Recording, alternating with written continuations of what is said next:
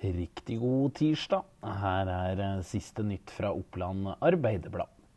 Vi starter med den nye prisrekorden for enebolig i Gjøvik. Leon S. Fahani solgte Hundsvegen 64A for 10 990 000 kroner til sitt eget firma Trygg Start AS, og satte med det prisrekord.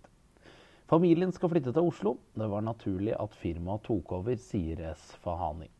Les mer om saken på oa.no, hvor du også kan få med deg eiendomsoverdragelsene i Gjøvik i mai.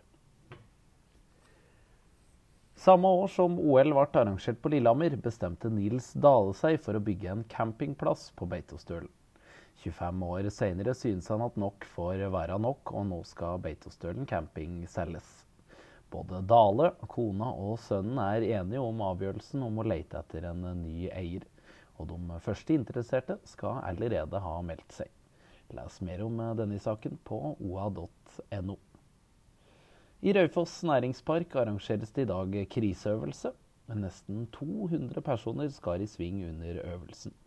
Les mer om den på nett hos oss nå. Få også med deg saken om en to år gamle elghunden Grog, som i går storma banen under Vind Vardal Gjøviklyn sin kamp mot Brumunddal på Vardal i går. Du kan også se video av den sjarmerende banestormeren på oa.no. Se også søkerlista til jobben som SFO-leder ved Vilberg skole i Østre Toten kommune. 23 stykker har søkt, blant dem er 16 kvinner, og 7 stykker er menn. Fortsatt god tirsdag.